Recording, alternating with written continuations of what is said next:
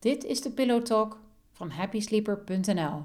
Vanuit mijn ervaring met slaaptekort wil ik jou helpen s'nachts beter te slapen en overdag meer rust te ervaren. In deze podcast ga ik op zoek naar kennis over slaap en de slaapgewoontes van mijn gasten. Ons gesprek weet jou hopelijk te inspireren en helpt je om betere nachten te maken. Vandaag heb ik een gesprek met Suzanne Willekes, kinderslaapcoach en oprichter van The Sleep Agency.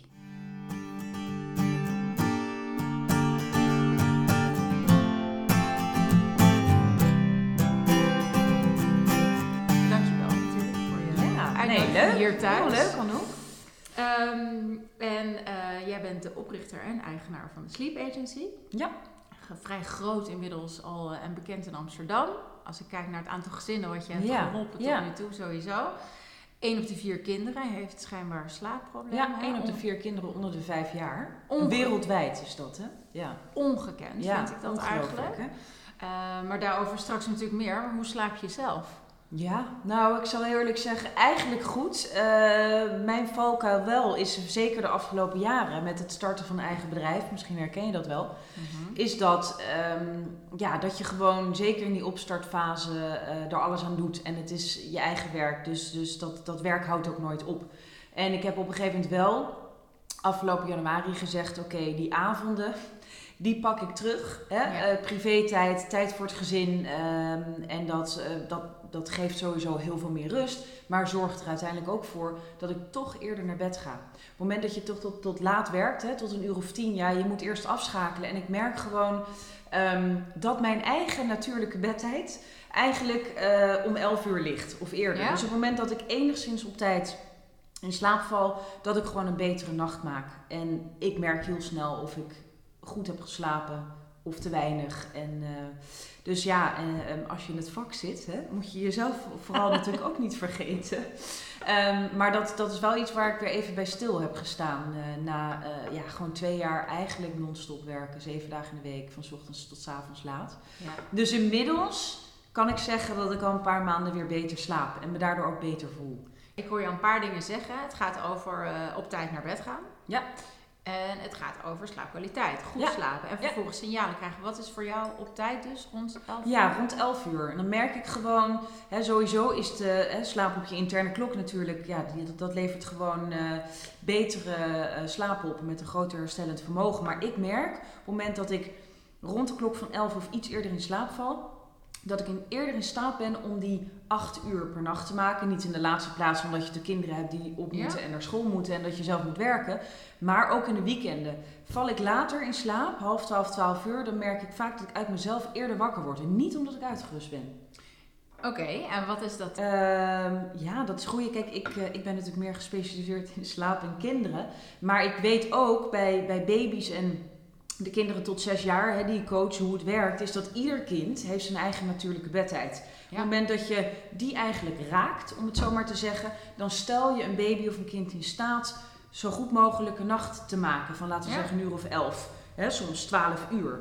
En valt een kindje na zijn of haar natuurlijke bedtijd in slaap, dan zie je vaker dat de kindjes wakker worden s'nachts of 's ochtends heel vroeg wakker zijn. En het grappige is dus dat ik dat ook bij mezelf merk. Maar ieder, ieder mens heeft ook een eigen interne klok. Hè? Maar wat zijn eh, met name bij kids dan signalen? Want jij noemt wel Ja. iets b- het belangrijkste wat mij doet beseffen van... oh ja, heb ik wel voor Tijn eigenlijk de, Ja, de de goede bedtijd? Ja, Ik denk ja. het wel, want hij valt altijd eigenlijk binnen 10 minuten of zo in Ja, slaap. dat is behalve als netjes. we een hele drukke dag hebben Ja. gehad. Ga ik meteen een praktijk Ja, ja, ja. eh, pakken. We brengen hem altijd eigenlijk naar bed tussen half acht en half negen, Ja. uiterlijk. Hoe, la- hoe oud is hij ook alweer? Vier. Ja. Het weekend wordt hij eigenlijk eh, Ja. zo kwart over zeven wakker. Ja, Net op het moment dat ik zelf denk, hmm, je mag wel iets langer slapen. En vanochtend hebben we hem wakker moeten te maken. maken. Wat is dat? Voordat Nou, wat, wat mijn eh, gedachte daarover is, is dat je toch vaak ziet dat kindjes in het weekend net iets later naar bed gaan. Dan hoeft dat niet meteen uren later te zijn. Mhm. Maar dat je denkt, ja, weet je, het is vrijdag of zaterdag of je komt zelf eens wat later thuis van leuk of eten of van Ja. vrienden. Maar eh, kijk, als Stijn zeg maar een half uur na zijn natuurlijke bedtijd in slaap valt, is de kans groter dat hij 's ochtends vroeg wakker is. En op zondagavond denk je misschien, oké, de week start, hè, hij moet weer naar school. We liggen er op tijd in, zeker na het weekend. Ja. En dat hij daardoor in staat wordt gesteld langer te slapen in de ochtend. Eigenlijk ook omdat hij een soort van tekort heeft Ja, dat opgebouwd precies. Ja. in één nacht. Ja, en je ziet vaak bij kinderen die echt heel oververmoeid zijn. En dat zijn vaak de kinderen ook die coach, die moeten nog hè, leren slapen. Slapen is Ja. aangeleerd. Ehm, maar die zijn ook vaak vrij vermoeid of zo niet oververmoeid. En dan zie je dat die heel veel moeite hebben om die hè, slaap in te halen, om het zo maar even te noemen. Martijn is natuurlijk hè, dus in principe gewoon een goede slaper. Ja. Pakt zijn uren, slaapt de nachten door. Dan kan hij natuurlijk, als je hem in staat stelt, inderdaad makkelijk dat van één, twee nachten even compenseren. Maar ook omdat je zorgt dat hij er op tijd in ligt. Juist daardoor kan hij dat. Gemiddeld heeft hij voor zijn leeftijd eh 11,5 uur per nacht nodig. Ja. Dus, ehm, Ja. hè, dus op het moment dat hij hè, kwart over zeven wakker zou worden, zou hij bij spreken gewoon een kwart voor acht in slaap moeten zijn. Of zou je het leuk vinden als hij ook een keer het weekend uitslaapt tot 8 uur? Ja, ja. hè, dan Dat zou zou dat ik misschien... heel leuk vinden, ja. Ja, misschien, hè, eh, eh, juist bijvoorbeeld als hij een keer om half acht te slapen is, misschien maakt hij wel weer een keer een nacht van 12 uur, wat natuurlijk kan, hè? Ja. Dus ik bedoel, die 11,5 uur is gemiddeld, het is geen maximum. Nee, de- I know, I know. Maar ja, Ja. soms is het best wel zeker voor ouders, kan ik me Ja. voorstellen, bij wie slapen, van kinderen slapen, echt een enorm probleem is. Ja. Wordt dat natuurlijk op een gegeven moment, wordt daar de druk op Zeker. eh, vergroot. Ja. En dan gaan ze enorm hun best doen en dan Ja. lukt het niet. Nou ja, en er zijn nog steeds veel mensen die denken, hè, die ermee worstelen, of die het advies krijgen, of, of ook denken, eh, omdat het wellicht logisch klinkt, van hè, mijn kind slaapt slecht, is 's ochtends echt om half zes wakker, ehm, wat veel te vroeg is, want alles tot zes uur is officieel nacht. Ja. Ehm, Oké, laten we hem een uur later op bed leggen, hè, want dan slaapt hij ook een uur langer in de ochtend. Hmm. Nee, helaas voor onze ouders werkt dat niet. Kijk, kinderen vanaf een jaar of 6, 7, 8 hebben in beginsel pas het vermogen, en oké, uitzonderingen daar gelaten, om hè, als ze een uur later naar bed gaan, ook een uur langer in de ochtend te slapen. Om, om te kunnen uitslapen Slapen. zoals wij dat Ja. kunnen. Ja, ik probeer het wel eens, dat zeg ik tegen Ja. me. Ga je lekker uitslapen morgenochtend? Nou, maar kijk, weet je, ik denk dat eh, heel veel ouders jaloers zouden zijn op kwart over zeven. Hè? Ja, dat Er zijn ook echt kinderen die van nature gewoon vroege vogels zijn en die gewoon om zes uur aanstaan. Ja, ja, oké. Ja. Hoe is dat Dus- bij jouw kinderen eigenlijk? Nee, nee, dat valt mee. Eh onze, ehm, nee, het zijn niet de extreme vroege vogels. Nou, kijk, de oudste heeft anderhalf jaar, eh, de eerste anderhalf jaar van zijn leven zo slecht geslapen dat dat hè, een van de redenen is dat Ja. ik dit werk ben gaan doen. Dus ik weet wat slaapgebrek eh, doet met ouders. Ehm, maar die andere twee, en met name die jongste, die heeft echt het vermogen, niet dat hij elke ochtend pas om acht uur, half negen wakker wordt, maar die kan dus echt uitslapen. Hè, toen hij ook jonger was, sliep hij zo 13 uur de nacht. Maar dan sliep hij overdag ook gewoon eh, drie uur. Ja, dat is, Ja, dat is eh, gewoon een natuurlijke aanleg ja, eigenlijk. ja. Dat is niet zozeer aangeleerd. Nee, nee, een interne klok kan je niet zozeer bepalen voor een kind. Nee. Ik krijg wel eens de vraag van ouders van... Hè, maar hij slaapt nu eh, heel fijn van 7 tot 6 en we zijn dolgelukkig, want we hebben die gebroken nachten niet meer. Maar kunnen we niet regelen dat, het, dat hij van 8 tot 7 gaat slapen? Dus daar ga ik helaas niet over.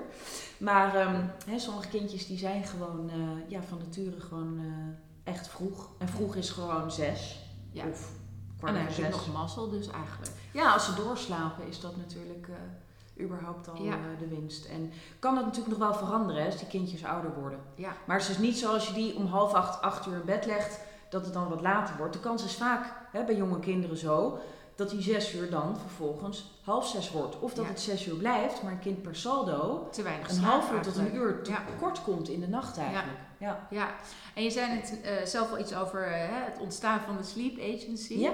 Wat, eh, wat gebeurde er bij jou waardoor je dacht, ah, ik moet iets gaan doen. Ja, dit is- dit is wat ik ga doen. Ja, Nou, uiteindelijk heeft er tussen die, die, laten we zeggen, eerste anderhalf jaar van slaapgebrek en, en heftige impact op, op onze fysieke en mentale gezondheid, om het maar even zo uit te drukken. Ehm, en het starten van de Sleep Agency, daar heeft nog wel het een aantal jaar tussen gezeten. Maar bij mij was er op een gegeven moment een, een, een omslagpunt. ehm, nadat ik vijf jaar lang met twee kinderen al eh, ja, eigenlijk in die dagelijkse red race zat van het moederschap en werk en het combineren en het haasten. En in een industrie waar, waar niet heel veel eh, moeders aan de slag waren, waarin toch wat, wat minder eh, begrip is daarvoor. Ik dacht, ik, ik, ik wil dat op een andere manier combineren. En daarnaast ook zeker, misschien nog wel een belangrijkere reden, is dat ik ehm, toch uiteindelijk een stuk betekenis en voldoening in mijn werk miste. En ehm, daar eh, echt wel naar op zoek was.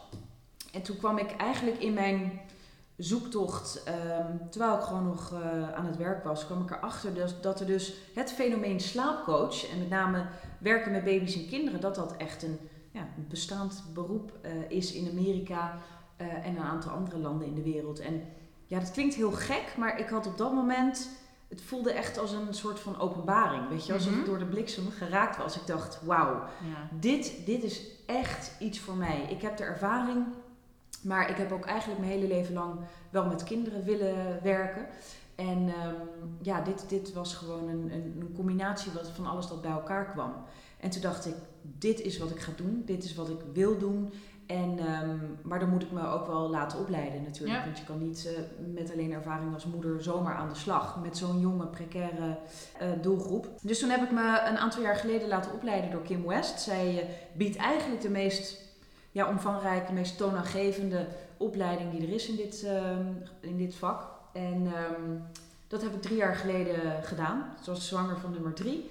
En dacht, ik, ik rond die opleiding af en ja. dan uh, ga ik in mijn verlof, uh, ga ik gewoon aan de achterkant uh, mijn bedrijf, mijn praktijk eigenlijk opzetten. En ik heb het bijna met niemand gedeeld, behalve misschien een, een aantal vrienden en mijn familie. Ik denk, laat mij maar, ja. ik maak het wel wereldkundig als het zover is. Ja. En ja, dat heb ik uiteindelijk een aantal maanden daarna gedaan. En het heeft, heeft eigenlijk vrij snel een, een flinke, ja, ik heb eigenlijk wel een vliegende start gehad. Het werd heel snel opgepikt uh, door de media. Ja. Dus ik uh, stond snel in het parool, um, was te horen op de radio. Ja. En toen begon ik die eerste gezinnen te coachen. En echt, het is het, ja, het aller, allermooiste, in mijn optiek, het allermooiste vak dat er bestaat. En um, iets uh, ja, wat, wat, wat, wat mij heel veel voldoening geeft en waar echt mijn passie ligt. Ja, het grappige was, volgens mij zei ik dat vorige keer ook al tegen jou, dat ik mezelf uh, mezelf het interview herinnerde met jou in het Uitmagazine. Ja, ja, en dat dat de reden ja, is eigenlijk nu klopt. dat ik met jou nu op dit moment aan tafel zit. Dus dat ja. zaadje is bij mij ook wel echt al eerder geplant, waarschijnlijk dan dat ik het zelf wist hè, van uh, Happy Sleeper. Ja. Um, wat maakte dat je je, je agency zo Mhm. startte mm -hmm. um, uh, vanuit eigenlijk je passie naar wat je nu doet, grotere gezinnen helpen. Mhm. Mm -hmm. Wat maakt het voor jou zo krachtig? Nou, en ik, de, ik, denk dat mijn eigen ervaring daarin een, uh, zeker een rol speelt. Die gezinnen kloppen bij me aan. Um, en sommige gevallen zijn echt hè, behoorlijk schrijnend. Als ik zie wat impact van slaapgebrek is, wat ik zelf ook heb ervaren en, en mijn man natuurlijk uiteraard ook. Is, um, ik zie, ik zie um, uh, ouders met burn-out verschijnselen of met ja. een burn-out relatieproblemen fysieke klachten, zelfs van hartklachten tot, tot aan uh, hoofdpijnen en, en rugklachten. Uh, tot aan verlies van, uh, van banen, et cetera. Um, en um, het feit dat ik dus een rol kan spelen in het, eigenlijk het herstel van een geheel gezin binnen ja. een aantal weken en zie wat voor impact het heeft. Ja, want ik zie die mensen natuurlijk op het moment dat ze aankloppen, maar ook op het moment dat we afronden. Ja, dat is gewoon met geen pen te beschrijven eigenlijk. En ik weet wat ze ervoor terugkrijgen ja. aan een algeheel geluksgevoel. Um, dat ze ook letterlijk, hè, sommige gezinnen zeggen van ja, je hebt voor ons zo'n verschil gemaakt. Weet je, wij leven weer in plaats van te overleven. We, we kunnen genieten van ons gezin, we voelen ons beter. We zien dat ons, hè, het kindje dat we dan hebben gecoacht, um, blijer is, energieker, beter eet, er beter uitziet. Hè, dat gezinnen ook van, ja. van, van vrienden, uh, de leidsters op de crash horen krijgen wat, wat een verschil het maakt in, in dat kind. Ja, en het, het, zijn niet, het zijn niet mijn eigen kinderen. Maar toch, dat geluksgevoel wat dat oplevert, en het maakt niet uit of dat het eerste gezin was dat ik ooit heb gecoacht, of inmiddels hè, uh, zit ik op um, bijna 450 gezinnen en, ja. en, ruim 500 kinderen. Want ik coach natuurlijk ook tweelingen en broertjes, ja. zusjes van. Uh, ja, dat is gewoon, uh, dat, dat blijft het allermooiste dat er is. Dat kan mijn dag gewoon echt maken. Ik zie het. Ja, ja ik vind het, dat vind ik zo bijzonder. En ja. ik weet um, wat het oplevert, weet je. En, en um, ja, goede gezondheid en, en, en je gelukkig voelen de basis daarvan is gewoon slaap. En ik ben überhaupt heel blij dat er veel meer aandacht is voor dit ondergeschoven kindje. Ja. Uh, wat het jarenlang natuurlijk was. Hè? Ja, We hadden het natuurlijk destijds al over ja. dat er al jarenlang heel veel aandacht is. En gelukkig maar voor een goede gezondheid. Uh, maar daarmee samenhangend, weet je, beweging, gezonde voeding. En nu komt slaap als component, wat eigenlijk de basis is voor juist hè, uh, gezond in staat. Ja, precies. Ja, je vitaal voelen. Ja, dit, is, dit is eigenlijk uh, de foundation, om het zo maar te zeggen. En uh, ja, dat is iets waar jij en ik natuurlijk een, een, een rol in vervullen. Ja. En dat, um, ja, dat is ongelooflijk mooi. Ja, ja, je straalt. Ja, ja, ja. Uh, hoe lang duurt zo'n traject eigenlijk? Als je dan kijkt van, ja, dat is misschien een beetje een moeilijke vraag om te beantwoorden, maar... Nee, nee eigenlijk niet. Het is vrij concreet wel. Um, het, eh, als, als, uh, als ik met die gezinnen start, hè, dan heb ik een, een uitgebreid consult. Daarvoor heb ik het kindje of de baby al geëvalueerd, geëvalueerd op basis van alle informatie die ik heb gekregen. Ja, is dat een vragenlijst of zo ja, die je dan doet? acht pagina's vragenlijst en een, um, een slaaplog van drie dagen, drie nachten die ze bijhouden voor mij. Ja. En dan tijdens dat consult, en dat duurt anderhalf tot twee uur, stellen we dat op maat gemaakte slaapplan op. En met dat slaapplan gaan ze aan de slag. En uh, dan vanaf die startdatum duurt het, bij de, laten we het zo zeggen, bij de kindjes uh, in een ledikant. Tot een jaar of tweeënhalf duurt het over het algemeen een week of twee. Hm. En vaak voor de iets oudere kinderen die in een groter bed liggen, waarbij ja, die eigenlijk al jarenlang hè, uh, problemen hebben met slapen en die ook een beetje de show runnen op slaapvlak, ja. Um, duurt het wel eens vaker een week of drie. Maar dat is niet heel dat gek, hè? Want dat is toch hartstikke is het, kort. Ja, is heel kort. Want uh, ik neem aan dat als mensen bij jou komen, dan zijn ze maanden en jaren aan het met het slapen. Ja. ja. Dus in die zin, nee, zeker. Kijk, wat het voor hen natuurlijk moeilijk maakt, en soms zwaar, is dat ze, ze starten gewoon niet uitgerust aan zo'n traject. Nee. En ze zitten er al doorheen. Ja, en dan moet je hele strenge regels dat is het. gaan en, volgen. Ja. en vaak zijn die eerste paar nachten even iets waar je doorheen moet om de situatie te doorbreken. Ja. En, maar goed, aan de andere kant, op het moment dat ze bij mij, bij mij terechtkomen en over die drempel heen zijn gestapt en hebben gezegd: Oké, het gaat zo niet langer, dan is die motivatie natuurlijk zo sterk. Ja. En ik ben daar natuurlijk ook, hè, om ze ja, vrijwel dagelijks gewoon in ieder geval van feedback te voorzien waar nodig er doorheen te trekken en ze gemotiveerd te houden en echt te zeggen, ja, maar het gaat op iets opleveren. Ja. Dus je, ja, je moet nu gewoon door op deze manier. Dan, dan hebben we, dat zeg ik ook meestal letterlijk tegen die gezinnen van, weet je, tuurlijk, ik heb hen nodig om het harde werk te doen, maar als zij het geduld kunnen opbrengen en echt als team het samen aanpakken en achter het plan staan en natuurlijk consequent zijn in de uitvoering, ja, dan, dan heb ik een sla hebben we een slagingskans van 95%. Zei, en dan zeg ik, het, dan, dan hebben we over een paar weken echt een heel ander gesprek. Geloof me. Hoe mooi is dat? En wat is, het, wat is eigenlijk de grootste uitdaging binnen de gezinnen? Gaat het vooral om routine? Mm, ja, die routine is wel een beetje de basis natuurlijk. Ja. Maar wat ook weer in, in, in, in de meeste gevallen uh, een utopie is om te denken, ja, als we maar ritme en regelmaat creëren, dan, dan gaat het vanzelf beter. Mhm. Nee, kijk, dat zijn vaak de kindjes die van nature al, hè, waarbij ouders het vanzelf al uh, op eigen kracht voor elkaar hebben gekregen. Ja. En um, slapen en, en baby's en kinderen is gewoon ingewikkelder dan dat de meeste mensen denken. Uh, en het verschilt heel erg per kind. Hè? Dus ik zie veel temperamentvolle, sensitieve en of ja, alerte baby's en kinderen. Die gewoon van nature meer moeite hebben met slapen. Of in slaap blijven. Of die gewoon zo'n sterk karakter hebben. Dat het voor ouders heel, heel lastig is. En um, ja. um, dus wat ik ook altijd belangrijk vind om uh, te verkondigen eigenlijk als boodschap is wat veel mensen denken die er of niet zelf mee te maken hebben gehad of geen kinderen hebben gehad. Ja, dan zal het wel de schuld van de ouders zijn. Mhm. Weet je wel? Dan hadden zij maar niet dit of dat moeten doen. Nee, vaak is het bewijs van spreken erbij blijven of mee in bed nemen uiteindelijk een soort van laatste redmiddel om overeind te blijven. ja, geef, geef ze eens ongelijk. En het is uiteindelijk niet, vaak niet de oorzaak, het is, het is, het is een, het is een, uh, ja, een overlevingsstrategie. Dus dat vind ik altijd belangrijk, hè? want sommige ouders zijn er best onzeker over. En die denken, ja, wat hebben wij dan ooit verkeerd gedaan? Nou, zo eenvoudig is het niet. Um, en, um, maar ja, de grote, eh, het lastige is, dat verschilt heel erg per, per leeftijd eigenlijk. Bij hele jonge baby's, eh, vooral hè, coach vanaf zes maanden, mm -hmm. als baby's neurologisch, mentaal en fysiek toe zijn en klaar voor zijn uh, aan coaching. Um, in die eerste want dan kun je, Want dan, dan kun je eigenlijk iets gaan aanleren. Is dat? Ja, het kan ook wel wat eerder aangeleerd worden. Alleen willen we onder die zes maanden gewoon geen tranen zien. En nou ben ik natuurlijk niet voor het laten huilen of gecontroleerd laten huilen van baby's en kinderen. Mhm. Want in de, de, de methode die ik hanteer, leren ouders eigenlijk in beginsel in hun aanwezigheid een kindje beter en zelfstandiger slapen. En natuurlijk bouwen we dat stapsgewijs af, hè, want je wil toewerken naar die slaaponafhankelijkheid ook. Maar ehm, we kunnen niet uitsluiten dat er wel een enkele traan vloeit, omdat de mhm. situatie verandert. En een, en een baby of een kind ook denkt, oh, dit gaat anders. Of, hé, mhm. hey, dit is vreemd. Of waarom helpen mijn ouders me nu niet in slaap? Maar belangrijk is, zelfs die tranen wil je niet in die eerste paar maanden. En er gebeurt nog zoveel in de ontwikkeling van jonge mhm. baby's. Ehm, dus op bepaalde momenten kan je ook niet echt van ze verwachten dat het beter gaat. En wil in ieder geval, ik wil in ieder geval zeker weten dat, um, ja, dat, dat er uh, geen schade wordt toegebracht aan, aan de hechting en de emotionele ontwikkeling van een jong kind. Mhm. Dus vandaar de grens bij zes maanden. Kijk, in iedere leeftijdscategorie heeft eigenlijk een beetje zijn eigen uitdaging. En wat je vooral bij de oudere kinderen ziet, is dat die weten haar fijn hoe ze hun ouders kunnen bespelen, kunnen manipuleren. En hè, dat hebben ze natuurlijk dan al vaak langere tijd gedaan. en het is helemaal niet dat specifieke kind. Nee, ieder kind is zo manipulatief. Want ze weten gewoon hoe ze het voor elkaar moeten krijgen.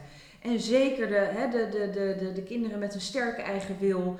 Um, die, dat is gewoon heel moeilijk voor ouders om... Uh, uh, ja, uh, om daarin de juiste ja, de strategie uh, te vinden of de, de handvatten te hebben, die bied ik ze. Kijk, het, het raakt natuurlijk heel erg het opvoedkundige stuk. Hè? Ja. Um, dus daar liggen zeker ook wel wat uitdagingen. Maar toch is dat ergens ook leuk, omdat je als ik ze coach ook wel een beetje mee kan kijken in het hoofdje van het kind. Ja. En omdat ze zo uitgebreid loggen aan mij, weet je, ga ik met ieder kind weer op een andere manier aan de slag. Of kijken van, hé, hey, wat, hoe kunnen we nou voor zorgen dat dit, dit kind gemotiveerd wordt om, om het beter te doen. En um, dus dat is vaak het lastige. Hè. Ze kunnen eruit komen tot in den treuren. Ze kunnen net zo hard gillen en roepen. En ouders denken, ja, maar je maakt je broer of zus nu mhm, wakker. Weet je mhm. dat soort dingen. of ze komen naar beneden, of ze trekken dingen van de muur, of ze gooien ja. spullen uit bed, of ze gaan gewoon om vijf uur s ochtends zitten spelen met speelgoed in die kamer. Nou, dat zijn natuurlijk de, de uitdagingen waar ouders dol van kunnen worden. Bij, kijk weer bij de, bij de jonge ehm, kindjes van bijvoorbeeld net twee die in die ledikant zitten. Sommigen kunnen zichzelf uit bed kiepen, weet je wel. Ja. Uh, bij de baby's tussen de zes en negen maanden zie je vaak die, die, die ja, het enige communicatiemiddel is huilen. En ze zijn dan vaak nog vrij jong. Rond die leeftijd is het soms een, een lastige uitdaging. Kinderen krijgen tandjes. Uh, we zitten af en toe nog met, met voedingsissues, weet je wel. Hebben ze nog wel of geen voeding nodig? Hebben ze pijn? Hebben ze honger? En tussen die zes en negen maanden gebeurt er ook ongelooflijk veel in die ontwikkeling. Hè, kinderen gaan tijgeren, kruipen, optrekken. Um, ja, en dat, dat heeft ook tijdelijk invloed op, op het slapen. Dus uh, ja, in die leeftijdscategorie zorgt dat vaak weer voor een uitdaging. Of dat ik met ouders echt op zoek ga naar wat is nu oorzaak-gevolg en hoe kunnen we consequent zijn, maar liefdevol, maar niet voorbij gaan aan eventueel, eventuele oorzaken buiten slaap om. Ja. En um, ja, in beginsel is dat natuurlijk de makkelijkste leeftijd om een kind iets te leren. Hè, of bepaalde slaapassociaties ongedaan te maken. Maar toch vind ik, is dat ook best een lastige leeftijdscategorie om de eerder genoemde redenen. Ja, ja, dus ja. zo zie je maar weer... Um, Elke en, leeftijd heeft zijn uitdaging. Ja, en kijken daarnaar natuurlijk nu. Van, hè, we, we begonnen het gesprek met 1 op de 4 onder de 5 jaar. Nou, vanaf 3 jaar gok ik zo'n beetje, maar jij ziet meer gezinnen dan ik. Uh, maken kindjes gebruik van digitale schermen. Mm de iPad is een favoriete ja. bezigheidstherapie. Jonger, denk ik. En hoor. misschien zelfs jonger dan dat. Zie jij daar de impact ook van terug in je werk? Mm, ik moet zeggen dat ik het enigszins mee vind vallen. Uh, en het is niet zo dat de kindjes natuurlijk niet op iPads of op schermen zitten of naar baby-tv kijken. Um, maar vaak is het wel zo dat ik ouders er in ieder geval bewust van maak. Dat ik ze ervoor waarschuw. En ook dat we het moment van uh, ouders koken, het eten en de kinderen zijn dan net een beetje vervelend einde dag. Hup, hier, dan ben je in ieder geval stil. Dat ik dat toch vaak omdraai. Of dat ik hè, ze adviseer, en hoe kan je dat nou logistiek gewoon in dat spitsuur anders aanpakken. Wat dus zeg je dan? Vooruit. Daar ga ik ook even naar luisteren. Ja, nee, um, hè, ik zeg dan van, joh, weet je, zeker op werkdagen, kijk even of je...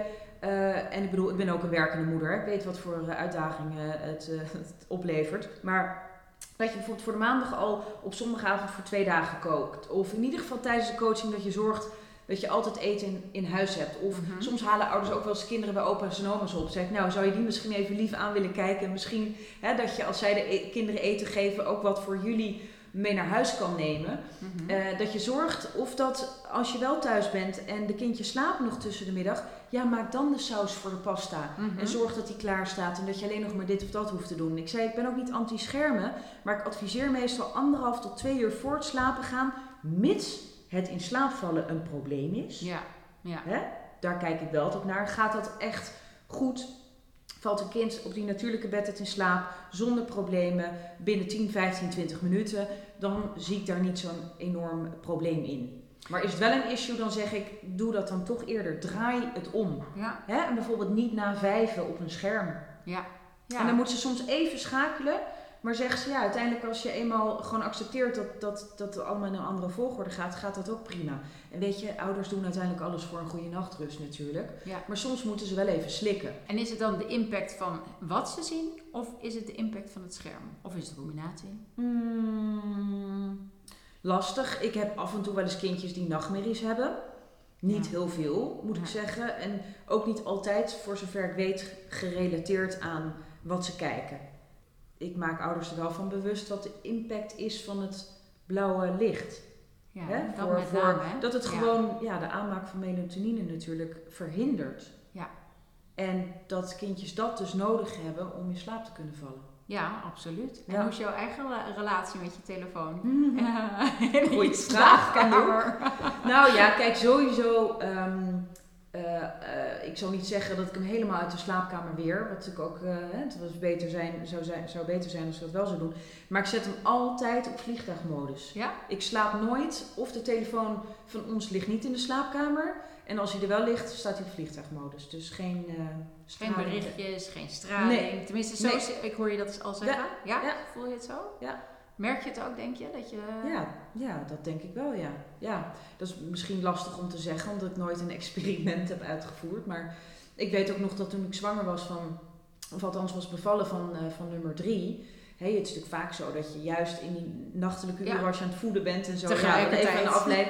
dat ik wil niet zeggen dat ik dat niet heb gedaan. Maar ik heb wel in de tussenliggende uren heb ik hem altijd op vliegtuigmodus hm. gezet. Ja. als hij in het wiegje naast mij in bed lag. Dus daar, daar ben ik me al wel een uh, lange tijd van bewust. En, en ik denk ook dat het uitmaakt. En dan komen we natuurlijk even terug op mijn uh, soort van niet-werk policy uh, in de avonduren. Is dat ik zal niet zeggen dat ik niet meer af en toe natuurlijk even mijn telefoon gebruik. Maar het maakt natuurlijk al een hoop uit dat ik niet van half negen tot tien of half elf in een consult zit achter mijn computer. Ja, ja, want daarin merkte je wel dat je slaap, dat je eigenlijk je natuurlijke slaapritme aan het tegenwerken was. Precies. Ja, ja. heel herkenbaar. Heel herkenbaar. Dus dan is het eigenlijk natuurlijk vreemd dat ik, hè, ergens is het een contrast. Dat denk ik help gezinnen aan betere nachtrust. maar ondertussen gaat die van mij niet door mijn eigen kinderen, maar wel door mijn werk. Ja, dus, ja ehm, en dat is eigenlijk denk ik de grootste uitdaging. Zeker voor jonge gezinnen die ja. je ook helpt. Mhm. Waar het over het algemeen misschien wel twee verdieners, ik weet niet, ik generaliseer misschien even, maar toch wel hardwerkende mensen die dan tegelijkertijd een jong gezin hebben. En dan die problemen s'nachts misschien wel hebben met slecht slapende kinderen. Ja. En dan zelf ook nog s'avonds werken. Ja. Ja, ja, maar ik zie ook wel veel gezinnen echt die die zeggen van ja, we gaan al zo'n lange tijd gewoon om 9 uur half tien naar bed. Ja, wel, want anders houden we dit niet vol. Nee, ja, dat is het. Dus dat, is, dat overlevingsmechanisme is al wel ingegaan. Ja. Maar ja, tegelijkertijd... Zeggen, ja, weet je, we zien al maanden, spreken we ongeveer met niemand af. Nee. Weet je wel, we, we houden dit niet vol. En, um, en dan ben je vaak... En heel veel ouders hebben gewoon inderdaad... Uh, de, de kracht niet om s'avonds nog te werken. Um, en wat is het eerste wat jij doet als je uit bed komt s ochtends? Een hele goeie. Uh, door de week of in het weekend? nee, ik denk bijna een van de eerste dingen misschien wel eens koffie zetten. Een cappuccino. Dat vind ik allerlekkerste aan de ochtend. Ja. Te starten met een koffie. Ja, en natuurlijk um, direct uh, door de week uh, brood smeren, ontbijtjes maken en zorgen dat de kinderen aangekleed zijn en op tijd de deur uitgaan. Ja, dat regel jij. Ja, en uh, dat met je man samen waarschijnlijk. Ja. Maar, en is het over koffie gesproken? Is dat iets waar je bewust van bent? Of dat je daar op, na een bepaalde ja. tijd mee stopt? Ja, ik drink eigenlijk standaard twee koffie in de ochtend. En sowieso nooit s'avonds. Nee. Heb ik nooit gedaan, want dan slaap ik niet.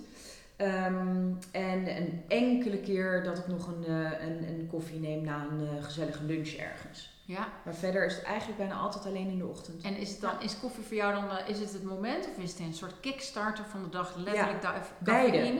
Het is een moment. Ik, ik hou heel erg van koffie. En um, ik, ik moet zeggen dat ik meteen inderdaad ja, wel veel wakkerder ben. Uh, en, en het is gewoon even een soort klein geluksmoment. Ja, hè? Ja, grappig. Klinkt ja. gek, toch? Maar... Ja, maar dat, dat herken ik heus. Mm -hmm. Dat herken ja. ik heus. Op het moment dat jij van gezin naar gezin gaat, maar je zou een moment hebben dat je denkt, pff, ik heb even wat energie mm -hmm. nodig. Wat doe je dan? Neem ik een stuk chocola. Grappig. Ja. Donkere chocola, lichte chocola? Nee, melk het liefst. Ja. Oké, okay, en dat is de suiker dan? Ja, denk het. Geen idee. Maar dus geen koffie? Nee, geen koffie. En frisse lucht? Ook, ja, ja, ja, ja. Ja, en het fijne is natuurlijk dat we, dat we hier een tuin hebben. Dus, maar dat zeker. Dus ja, het is of even een, uh, een klein stukje chocola, of uh, inderdaad ga ik even, even naar buiten. Ja, frisse lucht ja. halen. Ja. En ademhalingsoefeningen, doe je dat wel Nee, en ik weet dat jij dat wel doet. En dat is zeker een, een inspiratie. Maar doe, doe ik eigenlijk niet. Ik wou zeggen te weinig, maar dat, dat is onzin, want ik doe het gewoon niet. Terwijl ik weet dat het goed voor me zou zijn. Ja, het is echt heel fijn. Maar, doe je het voor uh, kids? Je bedoelt in relatie tot slapen? Ja. Nee, ik denk dat dat best bij de oudere kindjes effectief zou kunnen zijn, ja. Ja, maar voor kleine kindjes is dat natuurlijk ook weer moeilijk aan te leren. Mm -hmm. Anders dan dat je misschien als ouder het op dat moment tegelijkertijd ja, samen dus zou doen. Samen zou doen. Ja, ja ik denk dat dat, dat, dat een, een beetje vanaf te... misschien drie, vier jaar echt zou werken, denk ik, voor kindjes. Ja, maar ik vraag me eigenlijk tegelijkertijd vraag me echt oprecht ook af moet je dat wel? Ja. Moet je dat wel nou ja, ik was het, dat, ja, nee, ja, waarom niet? Kijk, ik, het was heel grappig. Ik was laatst met mijn dochtertje van zes. En toen ineens um, hadden we het erover, of ik, ik weet niet uh, wat er gebeurde, maar ineens ging ze. ze heeft dus wel eens yoga op de opvang en ineens was ze die yoga ademhalingsoefeningen aan het doen. Ik zei, wat goed van jou. En wat, heel, wat doet ze dan? Heel diep inademen door de neus en heel langzaam uit door de mond. Grappig hè? Ja. Je denkt, je bent zes jaar krijgt ja. gewoon al yoga. Ja, af en toe op de, NSO. Ja. Ik vind het echt, ja, ik, ja, dat is goed toch? Ja, ik vind het super ja, en ze vinden het dus ook nog een keer heel leuk. Ja. Ja, dat is het. Dus ze krijgt er ook nog echt iets voor terug, dus ja. blijkbaar. Dus op het ja. moment dat zij dat zelf gaat doen, dan doet ze dat niet omdat het zo geconditioneerd is, maar omdat nee, ze daar op, precies, dat moment... want ik, ik, ik heb dat nog nooit met haar gedaan of uh, push haar daar niet in. Maar de jongste van um, bijna drie, die krijgt ook af en toe yoga op de opvang. Ja.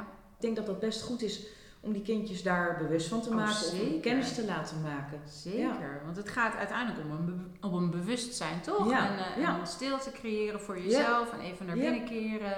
En wat doe jij dan uh, qua bewegen? Ik, uh, bewegen. Ik doe Reformer Pilates in Amsterdam. Dat zijn um, machines die zijn overgekomen uit Amerika. En um, er is nu één PLTS uh, studio in Amsterdam. Er komt binnenkort een tweede. Ja. En dat is echt een bijzondere krachtige workout. En ik fiets natuurlijk vrij veel. Ja, dat scheelt natuurlijk wel. Ja. ja. En dan heb je die frisse lucht.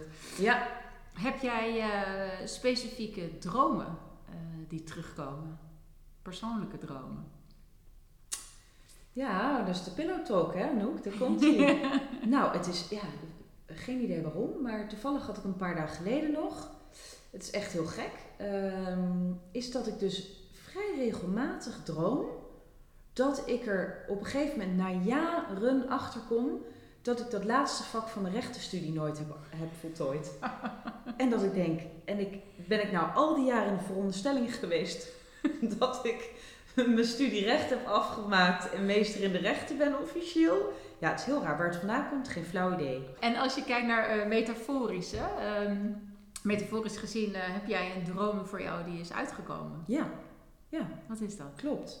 Um, grappig genoeg eigenlijk nooit. Hè? Want ik, ik, volgens mij zijn er best veel mensen die, die al als ze jong zijn weten van later wil ik mijn eigen bedrijf. Dat is eigenlijk nooit zozeer mijn ambitie geweest. Dat is toevallig zo gelopen.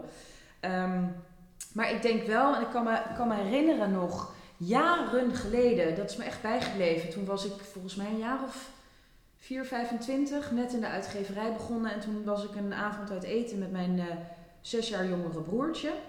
En uh, mijn familie vond eigenlijk de, de switch van advocaat willen worden en solliciteren in de advocatuur naar werken voor een modeblad vrij bijzonder. Maar goed, ik heb altijd mijn keuzes gemaakt vanuit hè, deels natuurlijk verstand, maar ook heel erg met mijn hart en, en heel intuïtief bepaalde keuzes gemaakt.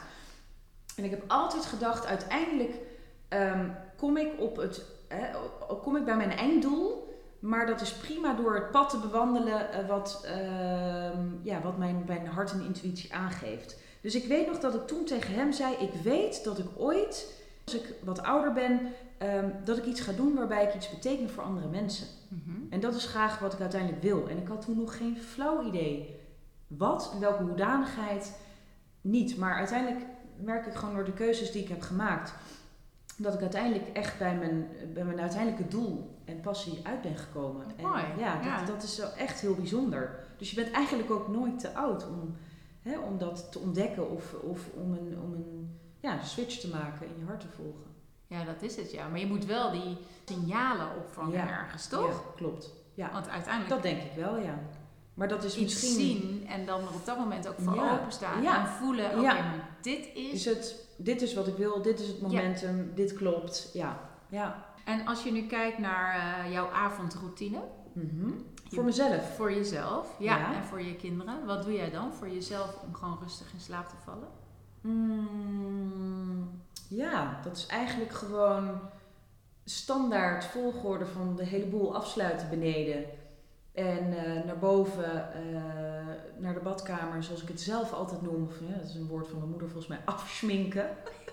en uh, klaarmaken en gewoon uiteindelijk um, in bed gaan liggen. Dus het is niet heel spannend of bijzonder. Of vroeger las ik ook, ik, ik heb altijd heel veel gelezen.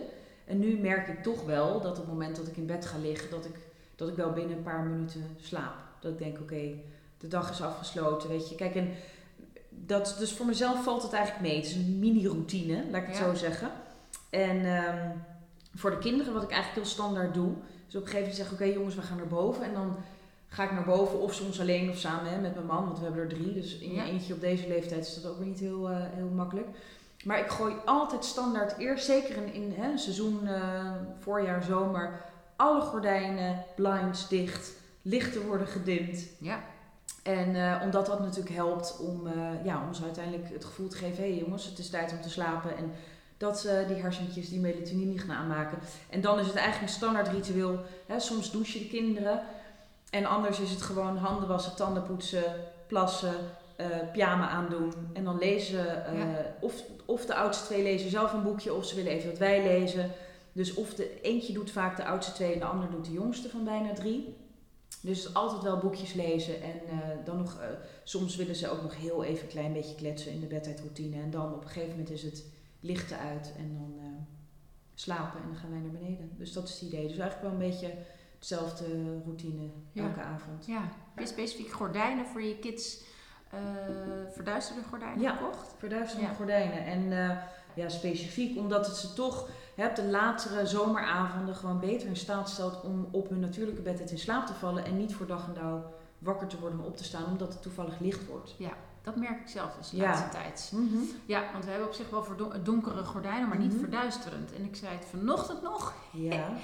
ik wil echt verduisterend gordijn, want ik begin het, nu te merken. Want ik word nu om zes uur word ik dus wakker. Nou, ik heb het zelf ook, want in ons, uh, je weet, we zijn nog niet al te lang geleden verhuisd. En in onze slaapkamer hebben we dus um, verduisterende gordijnen. Alleen is het zo uh, dat die niet het zozeer aan de ene kant het bochtje maakt omdat er een schouw zit. En dat is iets wat ik gewoon aan de lijve ondervind. Ja. En ik heb dus inderdaad uh, tot vorige week werd ik gewoon uit mezelf elke ochtend op kwart over zes wakker. Ik ben heel gevoelig voor licht. Dat heeft te maken met die sensitiviteit. Ja, ja, um, ja. En dan anders zou denken, ja, je wordt op een natuurlijke manier wakker, weet je. Het is kwart over zes, maar ik ben dan niet uitgerust. Dus voor mij is die nacht dan net te kort. Ja. Dus het klinkt stom totdat we er een oplossing voor hebben. En die heb ik standaard al mijn halve leven onder mijn kussen liggen. Ik heb een oogmasker, Anouk. Ja, leuk. Ja, ja, dus eigenlijk kan je dat voor mij als slaapassociatie zien. Dus wat ik dan bijvoorbeeld doe, of soms doe ik het ook wel eens s'nachts, omdat die druk op mijn gezicht of op mijn ogen dus ook prettig oh, vind. Oh, dat is ook dus een, uh, ja, is grappig dat je en dat En die doe ik dan op en dan word ik vervolgens niet van het licht wakker, maar omdat mijn lichaam zegt ik ben nu uitgerust klaar om wakker te worden. Of omdat er misschien toevallig een kind om uh, kwart over zeven over de gang trippelt. Maar dat is natuurlijk een ander verhaal. Ja. Heb je een boek naast je bed liggen? Ja. Welke? Ik heb net de, de, laatste roman van Saskia Noord gelezen, Stromboli, dus die ligt er ook. Ja. Maar de andere titel is, um, um, het is een boek over de Tweede Wereldoorlog. Over een man die geloof ik twee kampen overleeft en vervolgens ook nog een zeeschip waar hij op probeert uh, te ontkomen. Dus ik moet er nog aan beginnen. Maar die, uh, dus de titel uh, moet je me even vergeven. Maar die ligt dus inderdaad ook op mijn nachtkastje klaar. Om, Heb je voor kids nog een leuke tip voor kinderboek? Ja, welke leeftijd? Nou, laten we zeggen dan vanuit mijn perspectief vier jaar. Ja, nou ik moet zeggen, uh, we hebben die weer een soort van nieuw leven ingeblazen. Dat is het boek Kikker en Pad. Ja? Die heeft mijn dochtertje gekregen toen ze vier werd ook. En ik uh, weet dat zij vindt zelf ook nog leuk om, om, om als wij die verhalen voorlezen. En ook onze jongste van bijna ja. drie. Um, en verder heb ik ja, heel veel verschillende uh, kinderboeken eigenlijk. Oh, maar misschien is het leuk om, uh, om straks even wat, uh, wat boekentips van jou te krijgen voor, voor kids om in slaap te vallen. Je weet nooit waar iemand daar wat Precies. aan heeft. Um, en tot slot, heb je nog een, een favoriete ontspanningstip voor jezelf en voor kids overdag? Mm, meestal voor de kindjes, ook die je coach, weet je wel. Die, die, zeker de kinderen die niet meer tussen de middag slapen, maar nog wel vaak, hè, die nog vrij jong zijn. Dus inderdaad wel aan te raden om een uurtje tussendoor overdag even wat rustiger aan te doen. Ja? Even gewoon misschien te tekenen of te puzzelen of desnoods hè, dan wel een filmpje te kijken uh, tussen alle activiteiten door. Ja, en wat ik zelf eigenlijk voor kinderen ook altijd enorm stimuleer, wat ik heel belangrijk vind, is gewoon echt veel buiten spelen. Energie kwijt kunnen, maar ook buitenlucht en zonlicht. Ja, beschermd natuurlijk, hè, voordat iemand daarover overvalt. Maar dat maakt vaak wel dat ze in staat zijn s'avonds beter en sneller slaap te kunnen vallen. Ja. Überhaupt natuurlijk beweging, maar ook echt buitenlucht. Ja. Het licht uh, overdag juist pakken helpt die interne klok nog beter af te stellen. Ja. dus als je ochtends ook, vooral bij en zo werkt het bij hele jonge baby's, weet je wel, die, die nog worden geboren, geboren zonder uh, bioritme of interne klok. Hè, die ontstaat pas tussen de 6 en 8 weken oud. Is ook, je wil op een gegeven moment natuurlijk dat hè, jonge baby's die nog vaker wakker worden s'nachts of wakker liggen, dat die uiteindelijk gaan leren dat het nacht is om te slapen. Is het ook heel goed als je opstaat aan de dag om eigenlijk kindjes zo snel mogelijk bloot te stellen aan buitenlucht en zonlicht. Des te makkelijker kunnen ze dus s'avonds juist als het donkerder wordt of je het donkerder maakt, um, in slaap vallen. Dus um, ja, en, en ik, ik denk gewoon dat het überhaupt natuurlijk gezond is en dat ze die energie kwijt kunnen en ook op natuurlijke wijze natuurlijk wat ja. vermoeider raken. Het is niet zo ja, dat als je kind maar de hele dag naar buiten stuurt dat de problemen vanzelf uh, opgelost zijn. Was maar zo hè? Ja, maar ze worden ook vaker in alle eerlijkheid, hè, als je het vergelijkt met ja, een uur buiten spelen versus een uur schermtijd. Ja. Nou, ik hoef je niet te vertellen uh, waar ze leuker en gezelliger van worden. Ja. Absoluut. En creatiever en socialer, et cetera. Dus en dat is natuurlijk wel ook echt een issue van deze tijd. Hè? Kinderen en, en jonge kinderen en, en, en schermen. Dus, uh, dus dat. En verder qua uh, ontspanning, ja, ik, kijk, ik blijf altijd te dicht bij mezelf. En kijk, ieder mens heeft zijn eigen ontspanningsmomenten. Weet je, we hadden toevallig net over boeken. En ik weet gewoon als ik in een periode heel hard heb gewerkt of merk, weet je, ik ben wat gestrester of iets nu denk ik, oké, ik moet weer even wat dichter bij mezelf. Waar werd ik als kind al gelukkig van? Nou, dat is dus echt boeken lezen. Want ik ging altijd met zo'n stapel. Ja, vakantie. Een beetje nerdig, maar... Nee hoor, ik las altijd veel en daar ontspanning van. Ja. Ontspanning van, weet je. Me even verliezen in een verhaal en de buitenwereld uh, even laten voor, voor wat hij is. Inderdaad gewoon uh, naar buiten gaan. Of al is het even om uh, lekker op je fietsje naar de HEMA te fietsen. Of weet je wel, even koffie te drinken met een, met een vriendin. Soms kan je zo ook mentaal opknappen van even uit de sleur en de hectiek van ons ja. moederschap en werkende leven stappen. Dus uh, daar, kan je, daar krijg je dan ook energie van. Ja. En dat is belangrijk, denk ik. Ja, en dat is de combinatie dus van mm. energie en ontspanning overdag maakt dat je s'avonds ja. eigenlijk ook wel weer rustiger in slaap kunt vallen. En ook zelf als volwassene dat licht opzoeken. Want volgens mij is dat ook nog wel belangrijk. Veel naar buiten gaan. En ook juist inderdaad liever s ochtends of overdag sporten en niet te laat op de avond. Hè. Dat het zorgt er ook vaak voor dat je moeilijker in slaap valt, omdat je die adrenaline nog in je lichaam hebt zitten. Merk je dat daar een verschil in zit als je op een dag bijvoorbeeld actief gaat sporten versus op de bank gaat zitten? Waar word jij relaxter van? Dat is een goeie. Ik denk niet dat ik dat kan zeggen, een of de ander. Het ligt een beetje aan het moment. Maar ik merk wel op de, de dagen dat ik ochtends uh, een uur sport, dat je daar op de een of andere manier de rest van de dag wel van profiteert. Met een bepaalde energie hebt. En um, gewoon sterker voelt in, uh, in je lichaam. Maar je kan soms ook even heel, heel even ontspannen van uh, een 20 minuutjes even rustig op, op de bank. Even uitchecken. Of hè, wat ik net al zei, ik heb dan de luxe hè, dat ik uh, kantoor en huis heb. Maar dat ik soms ook heel even gewoon een kwartiertje in de tuin kan zitten. En dan hebben we natuurlijk de mazzel dat het mooi weer is de laatste tijd. Maar uh, ja, dan, dan um, heb ik daarna weer even de energie om vervolgens weer te zeggen: oké, okay, hup, nu weer aan de slag. Dus ik bouw wel die rustmomenten in. En ik denk dat het veel effectiever is dan dat je gewoon achter je bureau blijft zitten en denkt van oh, nou heel even een korte pauze. Ik, ik surf wel even wat over het internet, weet je wel. Want uiteindelijk merk je dan toch dat je daar eigenlijk nog vermoeider van raakt. Dat je denkt, voel. Absoluut. Ja, toch? Ja, ja, ja. En dat is wat je natuurlijk zeker als je, als je gewoon op kantoor zit uh, en een kunst ligt. Ja, je kan moeilijk uh, de hele dag door maar rondjes lopen en zomaar op elk moment naar buiten gaan. Dat wordt ook niet overal getolereerd. Maar dat zou denk ik wel beter zijn. Ja. Ik denk dat onder andere misschien de reden is dat best wel veel mensen bijvoorbeeld na de lunch even een blokje omgaat, hè, gaan. Zie ja, ik ook veel in het Vondelpark of hier in de buurt. Ik denk, ik zie gewoon dat mensen na de lunch even, even een rondje lopen. dat deed ik vroeger ook wel hoor, toen ik nog uh, ja. in de uitgeverij uh, werkte. Ja, super belangrijk om dat te doen. Mm um, dankjewel voor, de, voor dit gesprek. Nu zo, op deze manier. Ik wens je heel veel succes natuurlijk met de, met de ontwikkelingen van de Sleep Agency. Want je hebt grotere plannen ook weer. Hè, Zeker. Het aannemen van mensen. Ja. Als, en een uh, tweede boek? Daar hebben we het eigenlijk helemaal niet over nee. gehad. Je boek. Vertel daar nog even kort over. Ja, ik heb uh, nou, afgelopen september um, mijn eerste boek uitgebracht. En dat um, gaat specifiek over baby's van 0 tot 12 maanden. En um, en vanaf zes maanden zijn ze natuurlijk coachbaar. Maar ik vond het ook belangrijk om eigenlijk met mijn boek nog uh, meer mensen uh, te kunnen bereiken en hopelijk te helpen. Hè, die eerste zes maanden kunnen soms een grote uitdaging zijn. Heel veel ouders hebben sowieso de eerste weken een uitdaging met een kind dat ze dat zeker nog niet de hele nacht doorslaapt. Dus um, die hebben daar veel aan, omdat ik daarin natuurlijk ook beschrijf.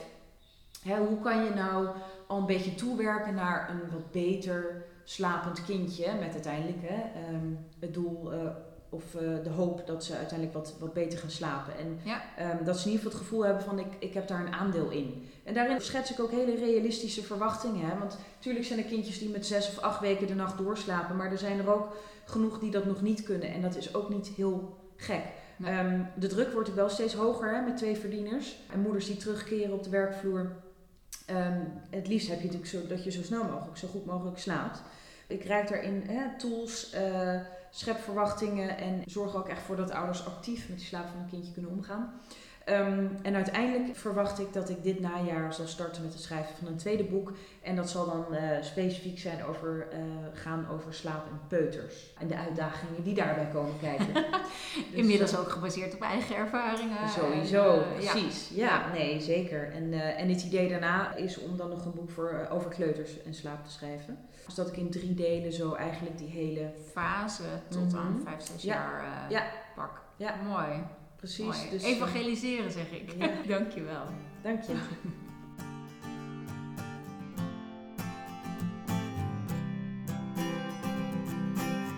Kijk voor meer artikelen, achtergrond en workshops op happysleeper.nl. Met je ogen dicht, groter geluk bereiken.